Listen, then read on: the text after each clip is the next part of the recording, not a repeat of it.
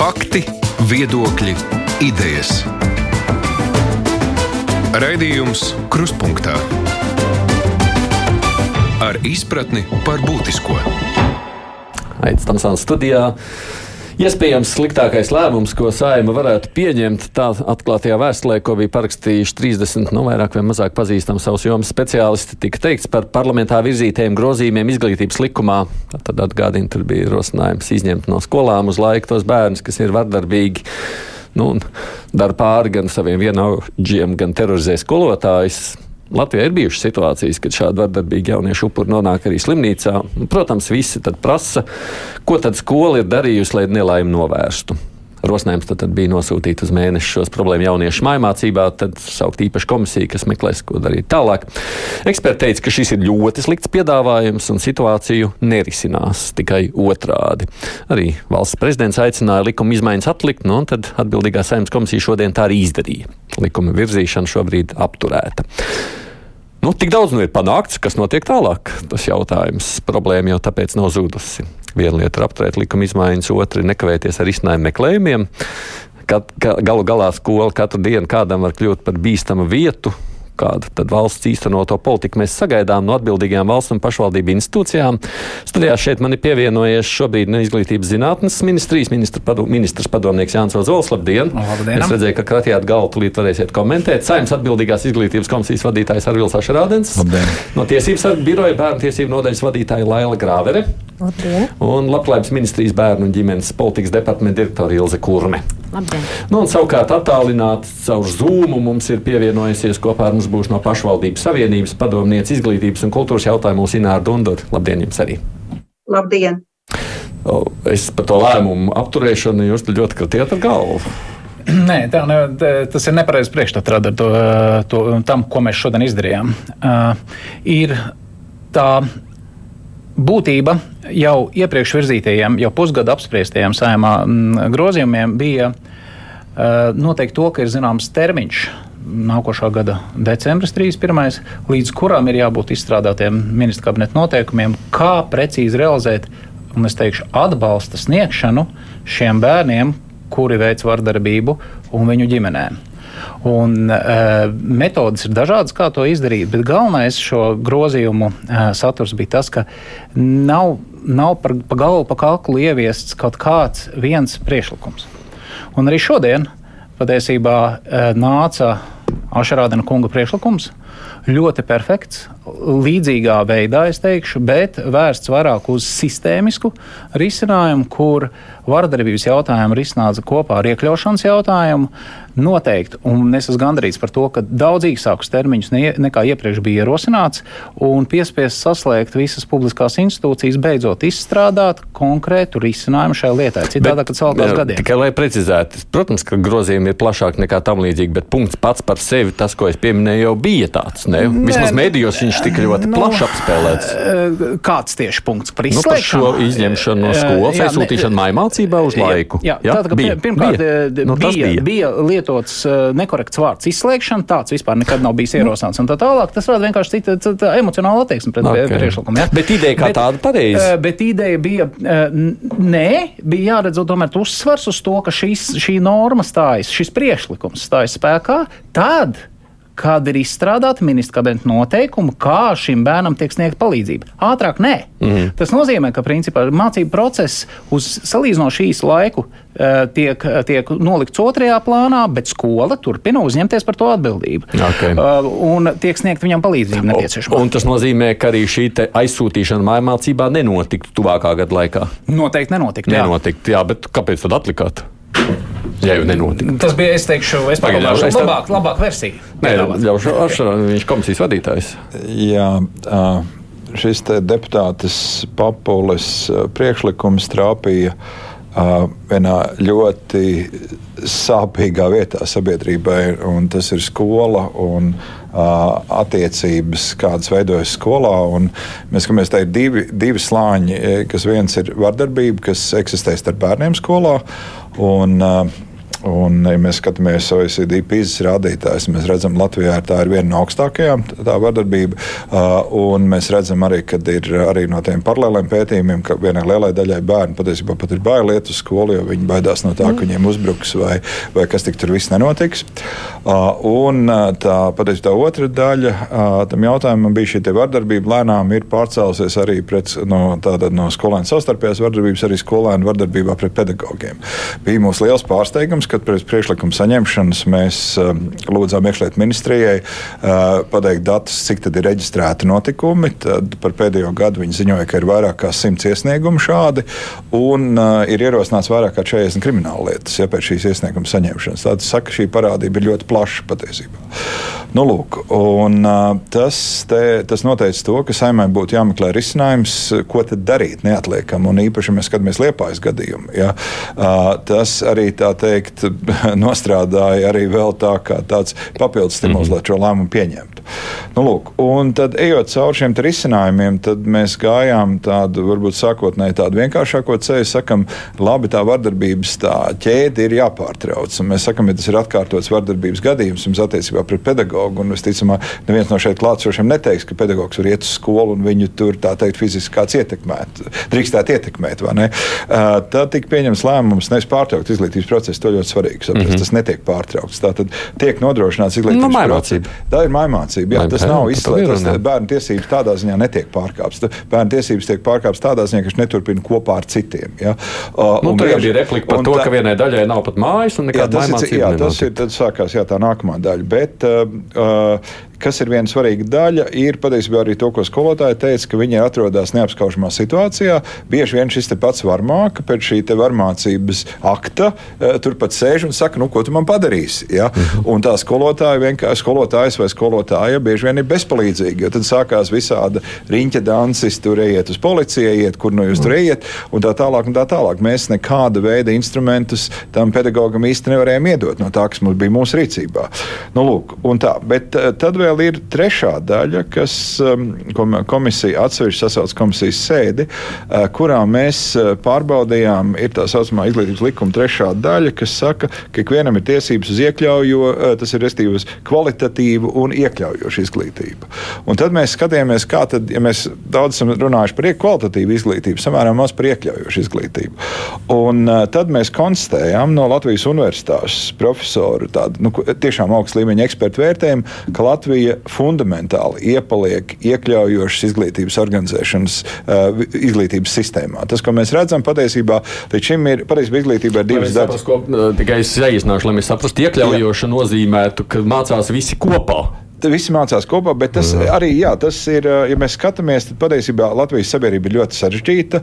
Un, ja mēs skatāmies, mēs tūlīt runāsim par vienotu skolu, mums būs jādomā, kā atbalstīt bērnus, kas nāks ar citas, teiksim, mā, ģimenes valodu, piemēram. Tad ir Romu bērni, tad ir bērni, ko mēs tradicionāli līdz šim uzskatām ar diagnozēm. Mēs iedodam no, nu zīmogu, iedodam numurus un pasakām, un tad ar to numuru uz speciālo skolu, šito numuru mēs kaut ko mēģināsim. Ja? Un tad mēs patiesībā nonācām līdz UNESCO pārstāvs runai, kur teica, ka moderna izglītība saka, ka iekļaujami ir visi. Mums jāsaprot, ka viena svarīga lieta, jebkuram bērnam, jebkurā brīdī var iestāties kāda krīze. Ja? Covid laikā mēs redzējām, ka depresijas uzlec augšā līdz milzīgam skaitlim. Man liekas, tur ziņoja par vairāk kā 30%, uh, kuriem ir depresijas, un, un tur bija pat dažādi suicidāli gadījumi. Tas ir arī mēģinājumi izdarīt suicīdu. Ja? Uh, un tā tālāk. Un tas saka, un var notikt jebkas, vecāki var sastrīdēties, var būt milzīgi jebkas var notikt. Un, un tas saka, ka viena moderna izglītības sistēma tikpat svarīgi vērtē šo akadēmisko aspektu kā iekļaušanas aspektu. Kas nozīmē tā, saliekot īsumā kopā un vēršoties pie pārējiem, jūs sakāt, kādā brīdī deputāti sākumā gāja, bet tad sāk vērtēt sistēmu sāk, kopumā. Sāk vērtēt un saprast, ka tomēr ir jāapstājas. Un pabeidzot šo te visu, ir ļoti svarīgi šodien saprast, ko mēs izdarījām. Mēs nevienu mirkli nepateicam stop, nedaram vairāk. Mēs pateicam vienu svarīgu lietu. Tā tad ir eksistē tās ministra kabineta dokuments kā ministriju ziņojums. Un ministriju ziņojums nozīmē politikas mājiņu. Ja? Un tātad likumā mēs no, uzdevām izglītības ministriju kopā sadarbībā ar labklājības ministriju un, veselības. un veselības ministriju tātad izstrādāt divus ziņojumus. Tātad pirmais par vardarbības vardarbības novēršana. Darīsim tā. Jā. Jā, pie, pie nākotnes darbiem vēl tiksim, lai mēs vienkārši saprastu, ko katrs šeit pārstāv. Tāpēc ir ļoti būtiski. Jūs divi tikāt pie vārda, bet mums ir vēl trīs viešņas, kas nav tikuši pie vārda. Vienkārši jūsu viedoklis. Es saprotu, ka ne visi uzreiz atbildīgi, bet jūsu nostāja par šiem uh, likuma grozījumiem, kas tika virzīti tiesību sargam vispirms. Tiesības sargs jau vasarā rakstīja vēstuli saimnes atbildīgajai komisijai un lūdza neatbalstīt mm -hmm. šādus likuma grozījumus. Jo e, tie ierobežo tiesības uz izglītību šim bērnam, kuram ir problēmas ar uzvedību. Viņam tātad šīs e, uzvedības problēmas ir, un vēl viņam būs iekavēts arī mācības. Jo pirmā redakcija bija izglītība ģimenē nodrošināta, bet izglītība ģimenē ir pilnībā atbildīgi vecāki. Un kā vecāki, kuri, kuriem tā nav brīva izvēle, mācīt arī savu bērnu. Viņiem var nebūt ne laiks, ne zināšanas, ne vēlmes, ne, ne prasmes, ja tas nav iespējams vecākiem nodrošināt to iz, obligāto izglītību. Piemēram, ja tā ir kāda 7, 8 klase, ja vecāki to pat gribēdam, nevar izdarīt. Pēc tam tas tika mainīts. Nevis izglītība ģimenē, bet izglītošanās ārpus, iestāde, ārpus izglītības iestādes dzīves vietā. Un tas saturs līdz pat eh, šodienai nebija īsti skaidrs, ko tas nozīmēs. -hmm. Jo tāds termins tiek lietots um, ministra kabineta noteikumos, kur ir par ilgstoši slimojošiem bērniem. Tas nozīmē, ka skolotāji nāk uz mājām. Bet šajā gadījumā tā nebija plānots, ka skolotāji nāks uz mājām. Līdz ar to, ko tas sevī ietvers, tā izglītošanās uh, dzīves vietā. Ja? nebija skaidrs. Okay. Līdz pat šodienai, kā viņi apgūs obligāto izglītību. Un tie bija tie jūsu argumenti, kāpēc nē. Ja? Un galvenais, ka tas nav samērīgi. Tas nav samērīgi, ja skola ar savu atbalstu personālu, pašvaldība netiek galā ar šo situāciju, tad cerēt, ka ar to tiks galā vecāki. Tā ir izvairīšanās no risināšanas. Un tā, to vecāku tās iebildes, kas man te raksta un saka, jā, bet pateicoties tam, ka jūs rūpējaties par šī bērna izglītību, man bērni netiek pie izglītības. Te vajag līdzsvarot tās tiesības, līdzsvarot, lai visi tiek pie izglītības Un tas, kuram ir vajadzīgs kāds atbalsts, kurš nevar pats mm. līdz ar citiem mācīties, cits netraucējot, lai viņš saņem to atbalstu. Bet, sakot, šis nav risinājums, jābūt citam risinājumam. Jābūt citam, jā. lai visiem ir vieta okay. skolā. Ko jūs sakāt par šo labklājības ministriju? Līdzīgi kā tiesības sargā pārstāv tikko minēja, arī labklājības ministrija no paša sākuma bija pret šiem grozījumiem, jo Tātad sākotnējā versija, šī versija tiešām ir vairāk kārtīgi mainījusies, un tādā fragmentētā veidā arī jomas profesionāļi ir bijuši iesaistīti. Viens no mūsu arī iebildumiem bija par to, ka profesionāļu viedoklis no sākuma īsti netika uzklausīts, un tie bija tādas atsevišķas epizodes, kurās Tātad profesionāļi iesaistījās šajos jautājumos.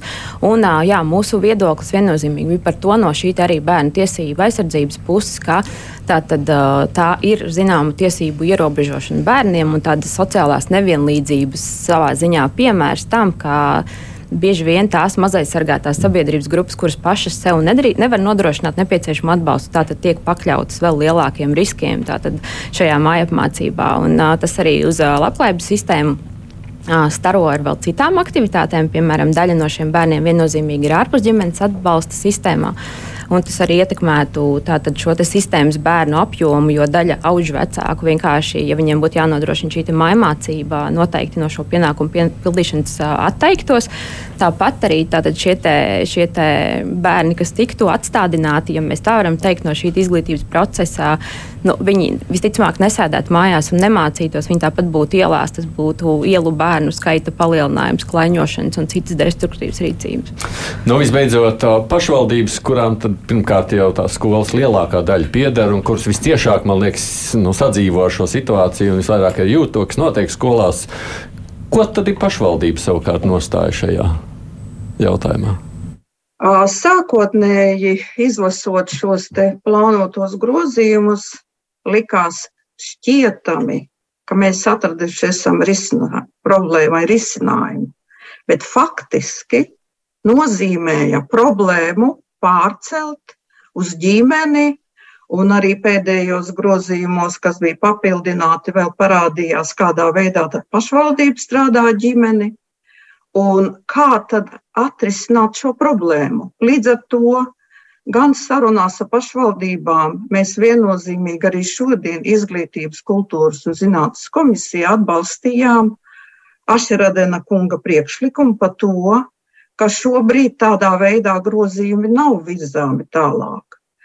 Bet mūsu priekšlikums ir, kas ļoti labi tika arī uh, parādīts. Nu, laiks nebija daudz, lai izteiktu savu viedokli šodien komisijas sēdē, bet ļoti labi parādīja, ka tika noteikti termiņi, uh, kādā laikā un kā ir jāizstrādā sistēma, vienota sistēma, jo šobrīd iekļaušai izglītībai tā ir fragmentāra. Šobrīd nav šīs savstarpējās sadarbības tādā līmenī, kāds ir vajadzīgs nacionālā starp ministrijām. Tāpat viņa ir nepieciešama tālāk virzot jau arī, protams, pašvaldībās, šī starp institucionālā. Mums jāatgriežas pie, to, pie tās situācijas, ka uh, izvērtējot bērna vajadzības, mums jāsaprot arī, ka tas uh, maksās zināmu naudu, ka mums ir jārisina atbalsta personāla pieejamību, ka beidzot jārunā nevis, ka mēs ar vienu optimizējam un taisam lielākas klases un skolas, un klasēs ir 30 un vairāk bērni, kuri ļoti grūti pedagogam, bet mēs nosakām limitu, mēs nosakām, ka ir jābūt jādala klase grupās un jābūt ir palīgiem faktiski ir nepieciešama tāda būtiska pieeja. Un eh, viennozīmīgi tas nebūtu risinājums. Mums jau ir zināma pieredze, kā ir, kad vienu vai otru problēmu mēs izliekamies, kā risinām. Faktiski mēs viņu it kā pārceļam uz pašvaldību, bet kas tālāk? Jo tur ir vajadzīgs dažādu nozaru, dažādu resursu kopējā sadarbība. Un es ceru, tie termiņi, kuri ir noteikti, un tas laiks, kas tika uzdots uh, grozījumos, ko cerams apstiprinās pēdējā lasījumā saimas plenāra sēdē, tad uzliks par pienākumu beidzot pēc būtības paskatīties uz šo problēmu. Viņu ļoti labi mēs redzējām uh, iepriekšējā komisijas sēdē, kuri bija dažādi zinā, ziņojumi arī no pašvaldību puses, un mēs redzējām šo problemātiku. Jo tādā veidā, ja būtu gājis risinājums uz priekšu, mēs vienkārši liektu vienai daļai bērnu saņemt arī kvalitatīvu izglītību, jo viena daļa. Šobrīd arī skatoties, katram ir kāda pieredze izglītībā, ka tie bērni arī mainās. Un ne visi no, nu, bērni Jā, es pieķeros tagad pie tā, ņemot vērā, ka jūs šodien esat izdarījuši to, ko jūs esat izdarījuši. Tas jautājums ir par tālāko, un reiz jūs man esat, tad par sistēmu arī mazliet varam parunāt. Es saprotu, mēs te neizveidosim tādu sistēmu studijā, par to nav runa. Bet par kaut kādām idejām, jeb iedīgļiem gan, tāpēc, ka jūs jau būsiet tie, kuriem prasīs ko tālāk darīt. Protams, ne tikai jums, bet jūs arī būsiet tie, kas lemj. Tāpēc ejot uz priekšu, tā pavisam pasakiet, ko tad par tiem ziņojumiem, ko jūs, jūs tur pārtraucat mazliet. Jā, paldies. Tātad komisija šobrīd ir uzdevusi. Uh, svarīgu darbu tātad trīs ministrijām - izglītības, veselības un labklājības ministrijām kopīgi sagatavot divus ziņojumus. Šis ir drusku neierasta situācija. Ļoti reti saimē uzdod sagatavot politikas maiņas dokumentu, un šādi tādi, tie divi tādi ir uzdot. Pirmais ir par vardarbības teikt, ierobežošanu izglītības iestādēs. Ja? Un otrs ziņojums, kas ir daudz plašāks par iekļaujošas sistēmas izveidošanu Latvijas izglī... iekļaujošas, iekļaujošas izglītības izglītības iz, ieviešanu Latvijas izglītības sistēmā. Patiesībā viss bija ļoti pārsteigts. Mēs runājam, gribējām runāt par atsevišķām pakāpēm, bet arī pati ministrija teica, tas attiektos arī uz augstskolām, tātad no bērndārs līdz augstskolai. Un, tas, ko, un, un šī gan ir viena ļoti svarīga daļa. Kā jau es teicu, līdz šim tiešām izglītības sistēma un skolotāji ir koncentrējušies mācīt, kā mācīt, labāk mācīt. Un tur cilvēki tiešām cīnās. Tā, tā. Šī ir viena ļoti svarīga modernas sabiedrības sastāvdaļa. Uh, spēt bērnus, kas nāk no ļoti dažādām, sarežģītām, iespējams, dažādām situācijām, dabūt tajā mācību procesā, lai viņi spētu mācīties, un ja viņiem ir nepieciešams kāds atbalsts viņu veselības stāvokļa dēļ vai, vai kādas mentālās situācijas dēļ, tomēr palīdzēt viņam, tam bērnam, dabūt, panākt to, ka viņš iekļaujas izglītības sistēmā. Ja? Un tas saka vienu vārdu, katrs mums ir svarīgs, ja? un mums ir jāatrod veids, kā viņu iekļaut. Un tas saka, pasaka vēl vienu lietu, ka ir vajadzīgs skolā speciāli cilvēki, kas to prot tik galā šādām situācijām, plāno šo darbu, darīt šo darbu, un plus vēl palīdz arī pedagogiem mācīties atpazīt situācijas un viņām strādāt diezgan agrīnā veidā. Tad mums jāsaka, ka es, es ļoti ceru tiešām uz visu ministriju sadarbību, jo, ja mēs skatāmies, nu, saka, nu tā līdz šim tā situācija vairāk ir bijusi, tikko mēs atveram šo jautājumu, tā visu reizi skola tiek to galā. Durvis ciet, iespiežam, tur skolētāju jātiek galā. Nu, tā gluži nav. Šis ir, uh, un es, piemēram, neesmu no citām ministrijām runāju, dzirdējis, piemēram, no Labklājības ministrijas runāt par šo kompleksu iekļaušanas programmu. Tas bija liels pārsteigums. Tiešām Latvijas universitātes uh, profesori par šiem te runāja par to, kā tas darbojās, kas ir jādara. Ja? Tā algoritms apmēram tika uzlikts. Lai gan īstenībā mācot pedagoģiju, ja cik es zinu, skolā šobrīd par iekļaujošo izglītību, tur ir kursi un tur studē un pēta un stāsta. Uzmanīgi, tas, uzmanīgi tie nu. paši universitātes profesori, kas to nodarbojas, saka, tas nav daļa no akadēmiskās izglītības. Mācu, mācu, es, es vienkārši to esmu runājis ar topojušiem pedagogiem, kas man stāsta, kā Jā, tas ir ļoti labi, svarīgi. Savākot šo, te, šo te šodienas notikumu kopā, viņš ir patiesībā diezgan liels pagrieziena punkts izglītības sistēmā. Es, protams, esmu norūpējies par to, ka izglītības sistēmā ir uzdoti vēl ļoti daudz lielu uzdevumu. Tātad šī saturs nav pabeigts, satura vadība, nu, satura, jaunais saturs nav ieviests līdz galam. Mums ir jāpāriet trijos gados uz izglītību valsts valodā, respektīvi vienota skola. Vēl ir ņemšanās arī par STEM priekšmetu, līdzsvars starp STEM priekšmetiem un humanitāriem. Un šī te vēl tātad iekļaujuša izglītība, nu, nu šis ir tāda, nu, riktīgi vēl viena liela raķeta visā nu, tajā jautājumā. Protams, bet ir skaidrs, ka viena lieta, mēs neatrisināsim nevienu no šiem jautājumiem, mēs ne, neatrisināsim šo iekļaušanas lietu. Labi, Dondoškundze. Es gribētu papildināt, ir ļoti svarīgi saņemt informāciju par bērnu, par viņam veselības stāvokli, bez kodiem, bet apraksta veidā, un viņus saņemt jau tālāk, kad viņš no pirmsskolas izglītības iestādes iet uz vispārējo izglītību. Lai skola zina, kas, jo mēs kas zaudējam sagaida. laiku, mēs zaudējam laiku, kamēr pedagogs atpazīst problemātiku. Un te ir ļoti būtiska iesaiste veselības ministrijai. Un trūkst jau šīs sadarbības nacionālā līmenī, lai virzītu tālāk vertikāli uz leju. Tas gadījums ar Liepāju parādīja, ka mums nav informācijas, datu aizsardzība pāri visam, bet rezultāts ir tāds, ka bērns atnāk uz skolu, mēs viņu nepazīstam. Ne, labi, ļoti ļoti būtiska, būtiska piezīme. Lūk, viens no aspektiem, ko jāņem vērā. Nu, es gribu teikt, ka šis bija Liepājā bija svarīgs gadījums. Tiešām, ja skola, ja tehnikums zinātu, kas ir sagaidāms, visticamāk, tā tehnikuma rīcība būtu pilnīgi savādāka. Viņi būtu gatavāki skaidrs. Jā. Jā. Nu, lūk, viena lieta Kas tad vēl? Jo liekam tos aspektus kopā, ko tad mums vajadzētu vai varētu darīt, jo problēma jau patiesībā tiešām ir sena. Viņa jau nav nekāda jaunā, viņa tikai nākusi visu laiku klāt. Es labprāt, eh, mums ir vispārējais izglītības likums, kurā ir ļoti, ļoti sen jau spēkā norma, ka izglītības iestādes vadītājs Tas ir no bērnu dārza līdz vidusskolai, jau un augstāk. Izglītības iestādes vadītājs ir atbildīgs par šo speciālo vajadzību apzināšanu un bērnu izglītošanu atbilstoši speciālajām vajadzībām. Šī norma jau ir uh, gadu gadiem. Tas ir tas par to informāciju, ko tas ir par to, kundze, lai būtu šīs speciālās vajadzības apzinātas. Mm -hmm. Nevis, ka viņš vienkārši bērns, kurš neprot uzvesties, ja? bet kas tam bērnam kaiš, kāpēc viņš tā izpaužas. Jo no bērna dārza jau zina, no pirmsskolas nākot, vai ne tie audzinātāji vai, vai, vai vadītāji jau visticamāk zina. Tās uzvedības izpausmes jau nevar ne? nepamanīt. Jā, jā, jā, jā, jā bet uh, vismaz mēs skatījām to novecojušo sistēmu, uh, ko ir tā, kāds ir medpēta komisija. Med, med, uh, nu, valsts kontrole savā ziņojumā nu, nolika to jau. Nu, tas, tas ir kaut kas ļoti novecojis cilvēku, kuriem mm -hmm. ir mhm. pilnīgi viena alga.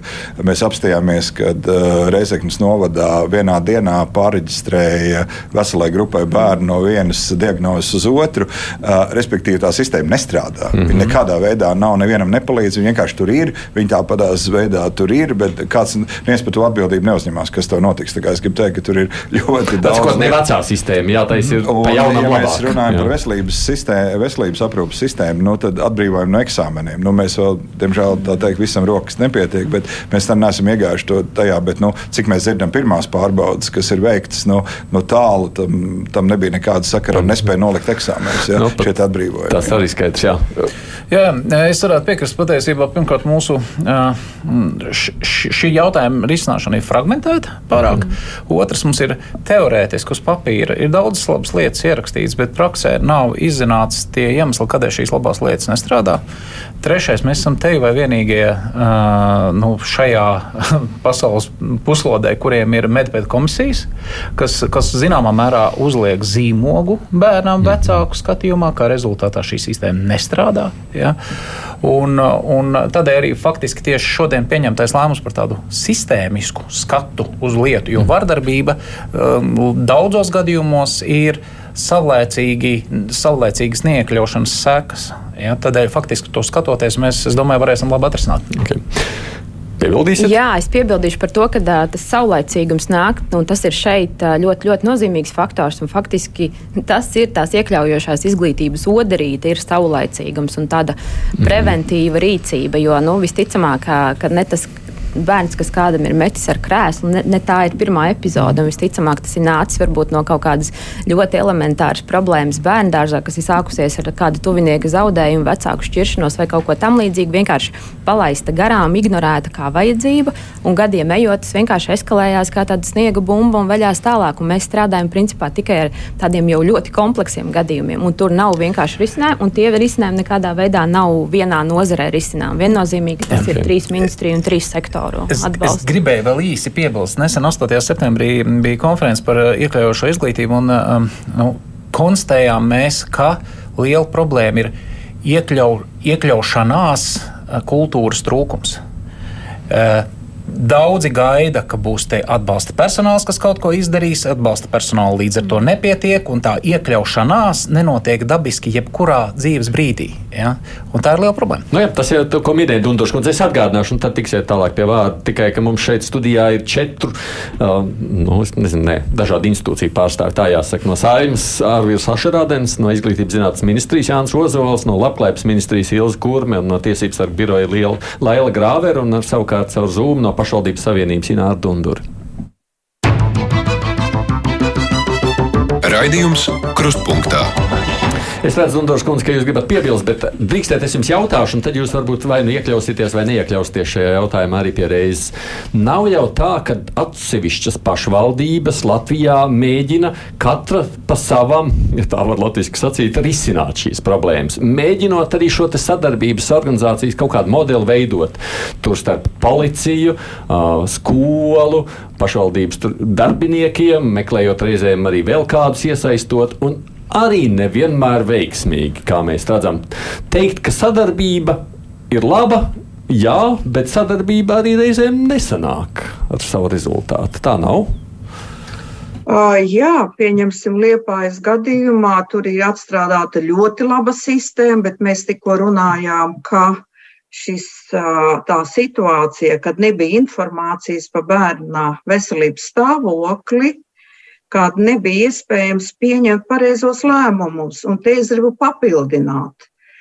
Sistēma darbosies tad, ja tomēr mēs arī uh, uzsvērsim vecāku atbildību.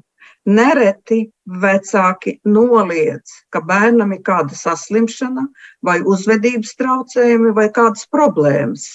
Un praktiski, o, kas būtu svarīgi arī, ka ka visā šajā procesā, kad tiks izstrādāts, tiktu paredzēta arī reāla vecāka atbildība. Ko jūs domājat ar vārdu vecāka atbildība? Viņa ir vajadzīga sadarbība. Tā kā administratīva atbildība. Jā, Kādā ziņā, jā, ko jūs domājat, kas ir vecāku atbildība, kā tā izpaustos? Praktiski pirmais sniegt informāciju.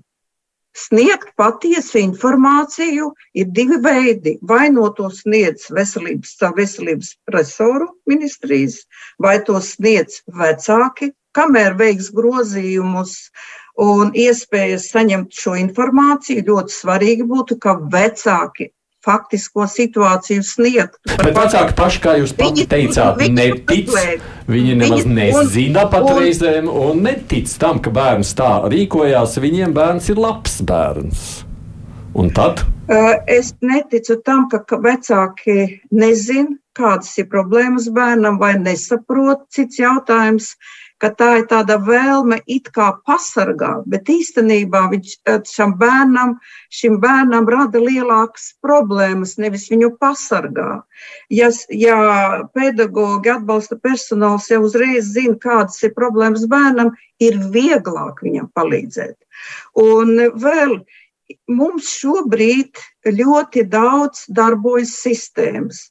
Un pašvaldības izmanto STOP 47 pirmsskolas izglītības iestādēs, kur, lai, lai palīdzētu, tur strādā kopā vecāks, audzinātājs vai psihologs un bērns, un viņi ir labi rezultāti, bet viņi ļoti nu, ar zemu kapacitāti. Otrs ir EMO, kur mēs varam vardarbību atpazīt izglītības iestādēs, un mēs jau gājām ar priekšlikumiem, ka ir jāiet uz priekšu ar šo programmu, bet mainoties izglītības zinātnes ministrijā, ministriem neskādēļ uzskatīja, ka nevajag, jo tad bērni, viņa ļoti labi palīdz identificēt jau situāciju. Bez tā, ka mums ir jāveido dažādas sistēmas, kā novērst, mums arī ir jāsaprot, kas vislabāk no esošajām sistēmām darbojas, lai identificētu. Jo ir nepieciešama šī identifikācija, nepieciešams saprast, Un, un, un te mm. nekas nav jā, jā. jāizsaka. Sakot, tā viena no problēmām ir vispār apjaust, kas notiek, vai ne? Tādā ziņā, ka tā. mēs nemaz nezinām, tie pārējie gatavi strādāt iesaistīties. Tas ir tāds teiciens, ka katrai ežu mātei savs bērns ir pūkains. Tā, kā, tā tas ir. Jā, jā. Un, un var arī tā uzvedība mājās būt pilnīgi savādāka, kur ir mierīga atmosfēra, tikai mamma un tētis, nu, ko viņš tur izpaudīsies. Ja? Un skolā bērns uzvedas savādāk. Es saprotu savu bērnu, pārlieku pārliecināts, kā viņš to uzvedīs. Un, un tāpēc jau tur ir pedagogi, kas nevar nepamanīt, ka bērnam ir problēmas. Un tas ir jāpiefiksē. Šīs uzvedības izpausmes noteikti jādara zināmas vecākiem. Un sadarbībā ar vecākiem, kā mēs to risināsim. Un, ja ne, tad ir atbalsta personāls jāpiesaista. Un, tikli, un šeit sāksies viena problēma, jo mums ministra kabineta noteikums spēkā esoši saka, vadītājs rīkojumā nosaka atbalsta personāla pienākumus. Bet tā atbalsta personāla jau nav. Mums ir desmitiem skolu, kur atbalsta personāla nav. Varbūt ar to ir jāsāk. Gadiem ilgi.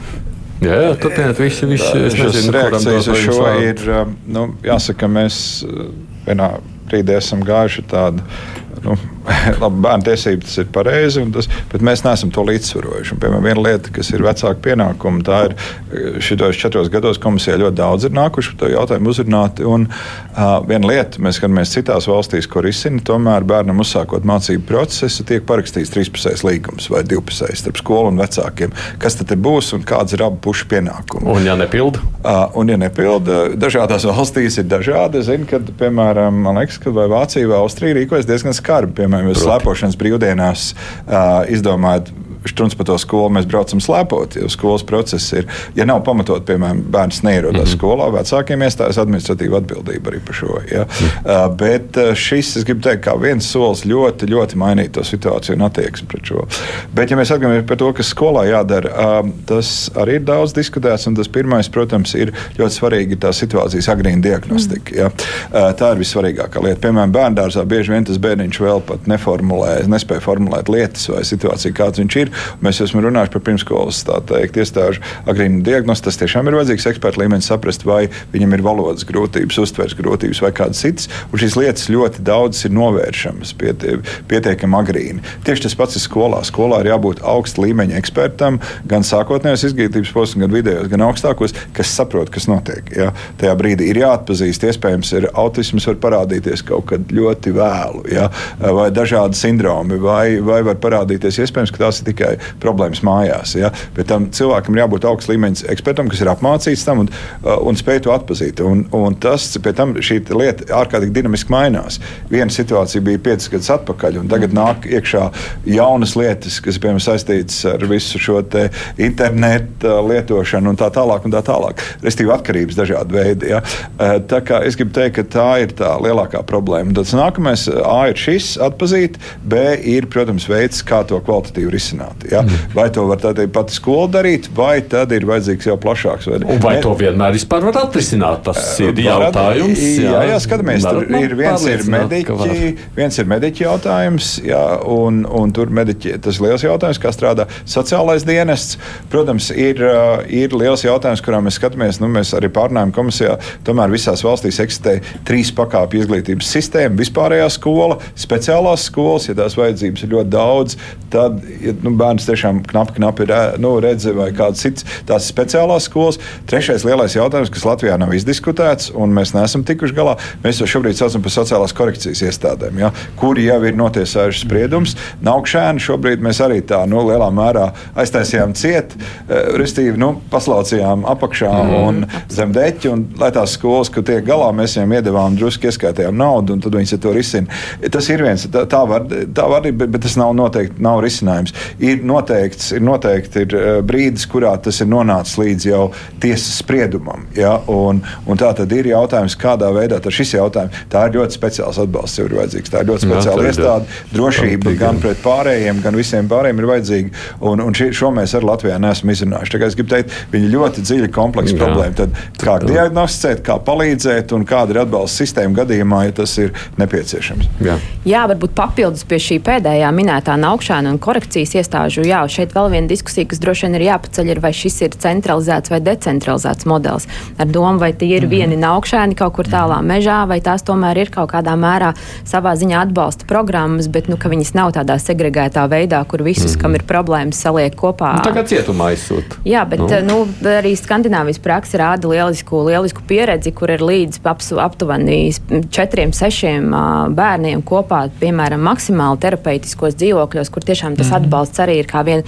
Un vēl pie Ašrāda kunga minētājs par, tiem, par to līgumu starp vecākiem un skolu. Savā ziņā jau pie mums arī tas eksistē. Mēs aizejot uz skolu, uz vecāku sapulci, saņemam šos iekšējās kārtības noteikumus, bet bieži vien tas ir tik formāls akts, ka vienkārši tiek izcirkulēta parakstu lapa, kad šajā gadā visi ir parakstījušies. Iespējams, jau šis arī ir kaut kāds viens no vienošanās veidiem, caur ko šo var darīt, bet mēs to esam savā ziņā formalizējuši. Viņi nu, jā, ir kļuvis par tādu ne, nenopietnu un varbūt pat jā, nepiln, nepilnīgi izmantotu rīku. Ja runājam par šo vecāku atbildību, man te nāk tāda vesela virkne ļaudis, kas saka, ka vecāki nezina.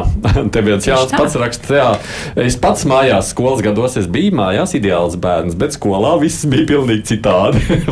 nu, proti, tas laikam ar to ir jāapzinās, bet varbūt arī tas ir tas informācijas apjoms, ka beidzot kāds pasaka vecākam, kas viņa bērns. Es īstenībā priecātos, ka kāds man pateiks, ko tas bērns īstenībā zina. Jo, nu, mēs saskaramies ar vēl vienu lietu, ko es šodien nostāšos arī pedagoģijā pedagoģa pusē. Tagad pedagogs mēģina to visu savilkt kopā, un bieži vecākiem mēģina to pateikt, nu, to, ko pedagogs dabū dzirdēt. No vecākiem atkal, kas, kur, kur jums jāiet un kas jūs tāda, kas jūs, es domāju, šeit tu, tu esi, jā. jā, tur tu vēl sabiedrība arī ir, ir jāaug ļoti. Bet tas ir par to, bet, bet mazliet par to vecāku atbildi runājot, nu, ja labi, bērns pasūta skolotāju trīs mājas tālāk, nu, tur vecākam, kas ir administratīva atbildība, iestājas, nu, kas notiek tādā stāstā, ko tu no vecāka vari prasīt, ko no vecāka ka var tur prasīt. Nu, labi, šitas ir, es gribu teikt, ka šis aiziet ārpus politiķa, politiķa jautājums. Tas ir ekstra. Tas aiziet droši vien tajā praktiskajā bērnu mm -hmm. tiesību aizsardzības nenodrošināšanas mm -hmm. laukā, kur vienā brīdī tik tiešām ieslēdzās arī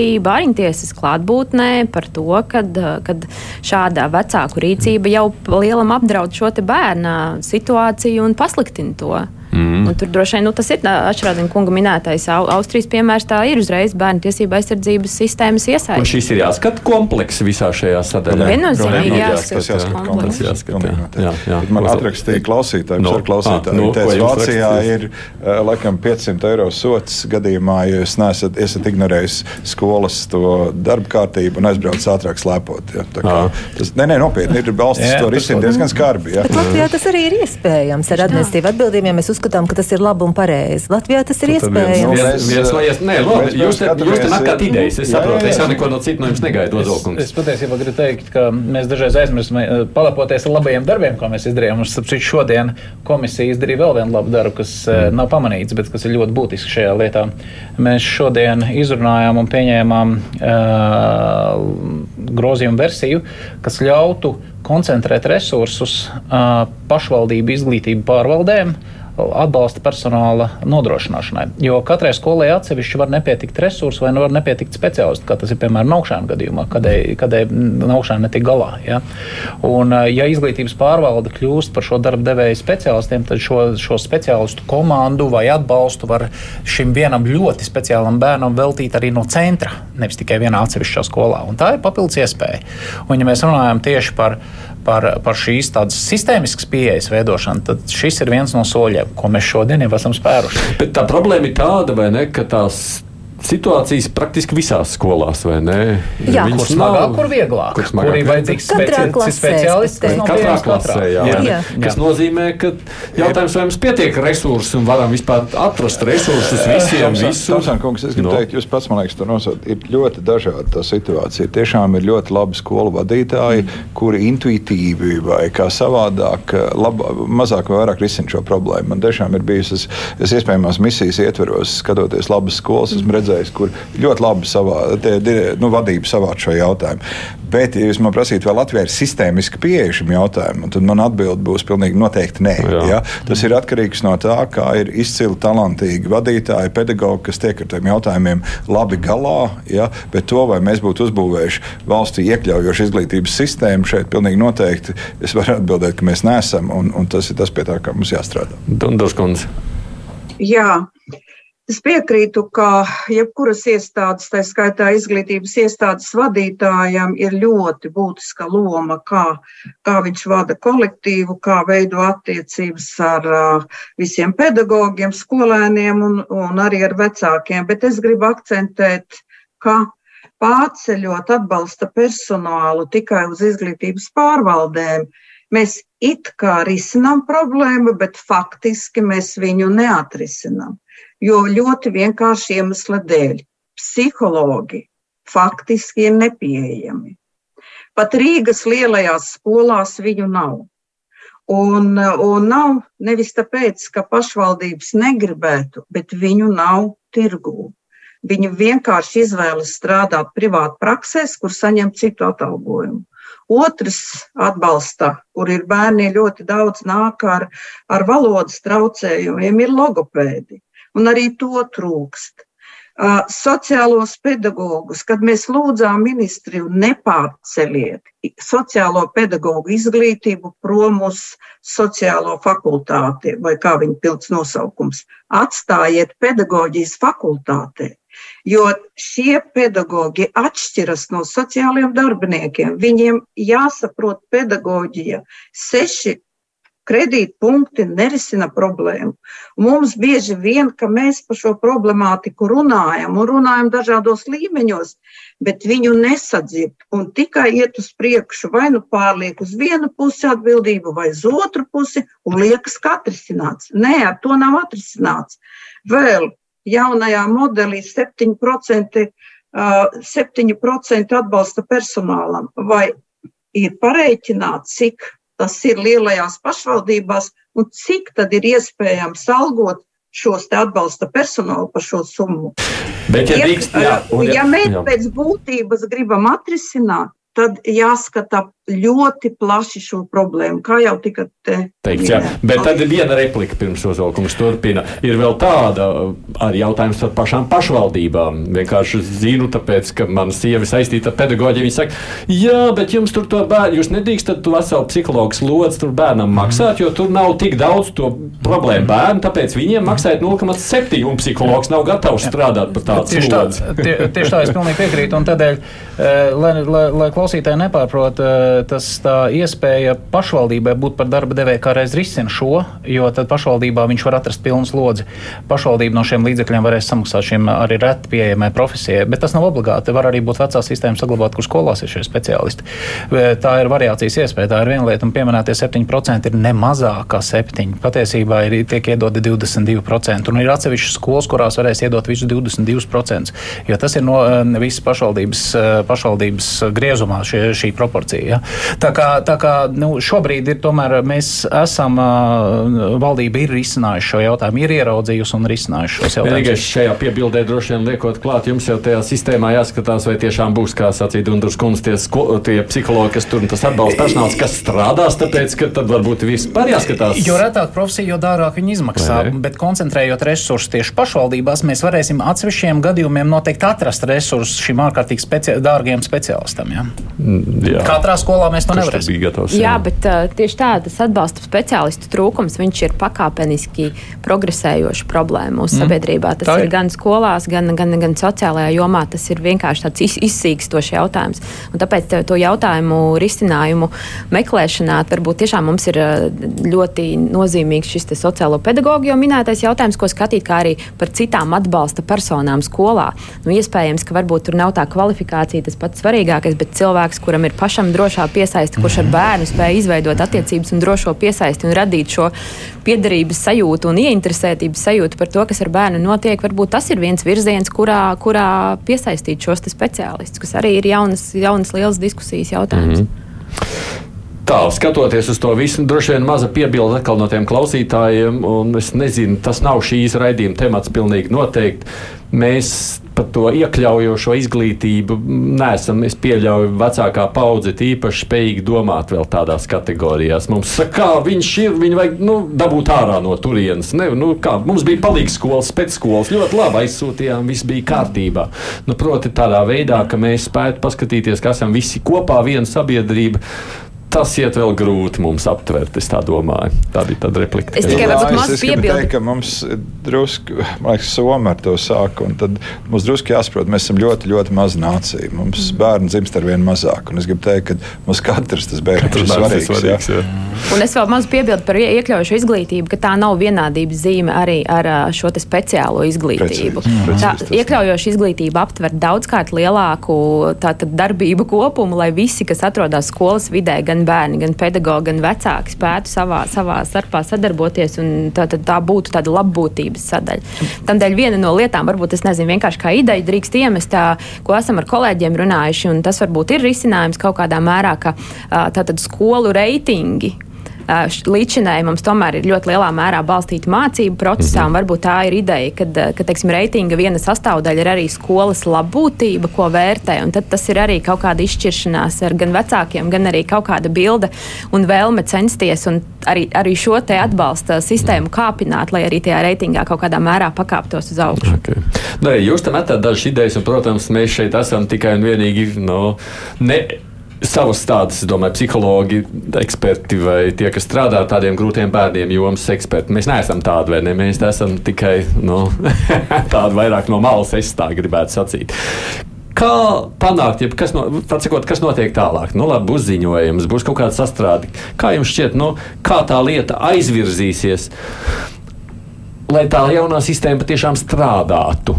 Ne uz papīra, bet reāli. Jā, uh, tam iebalsotam šodien ir div, divas daļas, ir divi tie ziņojumi, kas paredz mm -hmm. vispār, ko darīt ātri. Tas ir ātri tiešām jārīkojas vardarbība, mēs esam atstājuši pedagogus bez vairoga, teiksim tā. Uh, un mēs redzam, ka tas nonāk pie diezgan sliktām sakām. Uh, tā otrā daļa ir šis konceptuālais ziņojums, un trešā daļa, patiesībā, ko mēs mazāk runājam, kad ministrs kabinetam ir jāsagatavo grozījumi likumā ja, kas paredz mm. noteiktas darbības, lai šo sistēmu ieviestu Latvijas izglītības sistēmā. Ja. Tāpēc es teicu, ka mēs esam tik daudz uzlikuši šobrīd izglītības ministrijai, ir tik daudz jautājumu, ko risināt. Man drusku ir bail, ka tas grosis ir pilns ar darāmiem, dar, milzīgiem darāmiem mm. darbiem. Bet šķiet, ka tas ir viņš pats izprādis, tas augonis savā veidā, un bez, piemēram, mēs runājam pāriet uz vienotu skolu, bez šāda mehānisma, man ir grūti iedomāties, kā mēs to darām. Kāpēc to jautāju? Tāpēc mums tā pāris sadarbība reizēm grūti. Nu, grūti viņa nākas. Nākas savā, grūti, nenoliedzami nākas grūti, bet jā, varbūt arī šis gadījums es tādā ziņā ļoti priecīgi jūtos par šo, ka tā diskusija un kāda viņa ir bijusi un brīžiem nevisai patīkama visām pusēm, ka viņa nonākusi pie tā, ka mēs esam nonākuši pie tās kopdarba nepieciešamības. Un tādā ziņā arī milzīgs paldies paldies visām uh, sociālās jomas nevalstiskām organizācijām, un mums ir arī jāizmanto visi iespējamie spēki, kas ir gatavi nākt šo problēmu risināt. Nu, arī Ašrādena kunga minētajā tā izglītības ministrija nav viena. Jā, mēs vienkārši mums ir jā, arī tās sadarbības kontekstā jāiesaista visas puses, kas ir gatavas līdzdarboties. Tāpat arī šī pati arotbiedrība un citas uh, puses arī piedāvājās. Tā būt daļa no šīs. Tiesības sargvīrām vispirms. Es gribētu teikt, ka mums ir jāievieš dzīvē tas, kas jau pašlaik ir noteikts jau spēkā esošos normatīvajos aktos. Mm kas jau ir uzrakstīts un spēkā vairākus gadus par to pašu atbalstu personālu, kam ir jābūt. Ja? Nu, kā var noteikt rīkojumā viņa pienākumus, ja nav šī atbalsta personāla? Un vēl ir jābūt tiešām reaģēšanai uz bērna pirmo izdarīto pārkāpumu. Jo bērni jau pārbauda robežas. Nu, tā es varu izrunāties, nu, ko es vēl varu, tā es arī varu, ja nekas mm. neseko ka tiklīdz viņš ir kādam nodarījis pāri vai emocionāli, ja kādu aplamājis, pazemojis, ka tas ir ārkārtējs notikums, ka nākam kopā ar vecākiem, ko mēs darīsim, lai tas neatkārtotos. Nevis, ja nereaģē, mm -hmm. nu, tad, tad tiešām reaģē, tad, kad jau ir eh, kāds tiešām briesmīgs notikums noticis. Dundoškundze. Jā, es domāju, ka uh, mēs paskatāmies nedaudz atpakaļ problemātiku un kā viņu risināt, var viņu pieņemt, var nepieņemt, bija pārisoru koordinācijas centram. Jā, tur bija tā vecā sistēma, pedagoģiski medicīniskās komisijas, bet ko tas parāda? Tas parāda to, ka to, ko arī valsts prezidents teica, ka ir problemātika, arī tā skaitā bērni, kur iespējams būtu nepieciešams vai nu atsevišķs ministrs, lai varētu panākt šo visu ministriju iesaisti. Jo pretējā gadījumā iznāk tā, ka situācijā, kad mēs jau runājam par konkrētiem pasākumiem, tad viens no otra, viens no otra, un beigās jau paliek, mēs atkal galā paliekam pašvaldības ar to, kas ir. Es minēšu piemēru. Vairāk kārt ir eh, arī par šiem bērniem, kuriem identificē vai autismu vai kādu citu saslimšanu cik ilgi tam bērnam ir jāgaida, lai viņš tiktu pie speciālista veselības ministrijā. No tā, Četri, jā. trīs mēneši. Mums ir problemātika, kur vajadzīga vēl kāda, iespējams, ka tas nav šis gadījums, bet man neskādēļ noklausoties prezidentu liekas, ka bērnu jautājumi arī prasās. Tā kā atsevišķu atbildību, lai visi būtu līdzatbildīgi. Jā, bet... Lai nebūtu tā, ka beigās ministrs izglītība. Es tikai jābeidz, es skatos arī uz pulksteni. Varbūt Ašarādēn kungs, kurš ir aktīvi iesaistīts šajā valdības veidošanas procesā, nu, tā, tā, tā pārresoru koordinācija visu laiku mums klibo. Varbūt jums ir jādomā, ko darīt, lai tas nav tā, ka mēs katrs sēžam savā uh, lauciņā un atbildam par savu. Lieciet aiz auss, domājot par jaunās valdības Paldies, jā, ir uh, diskutējot par valdības prioritātēm, uh, tiešām tiek diskutēts par dažādiem elastības modeļiem. Nu, tā, tas vecais modelis, kas ir tapis ne, 90. gadu beigās, nu, vairs īsti ne, neatbilst mūsdienu situācijai. Šobrīd skatāmies, kas nāks no sarunām ārā, dažas idejas jau ir izskanējuši.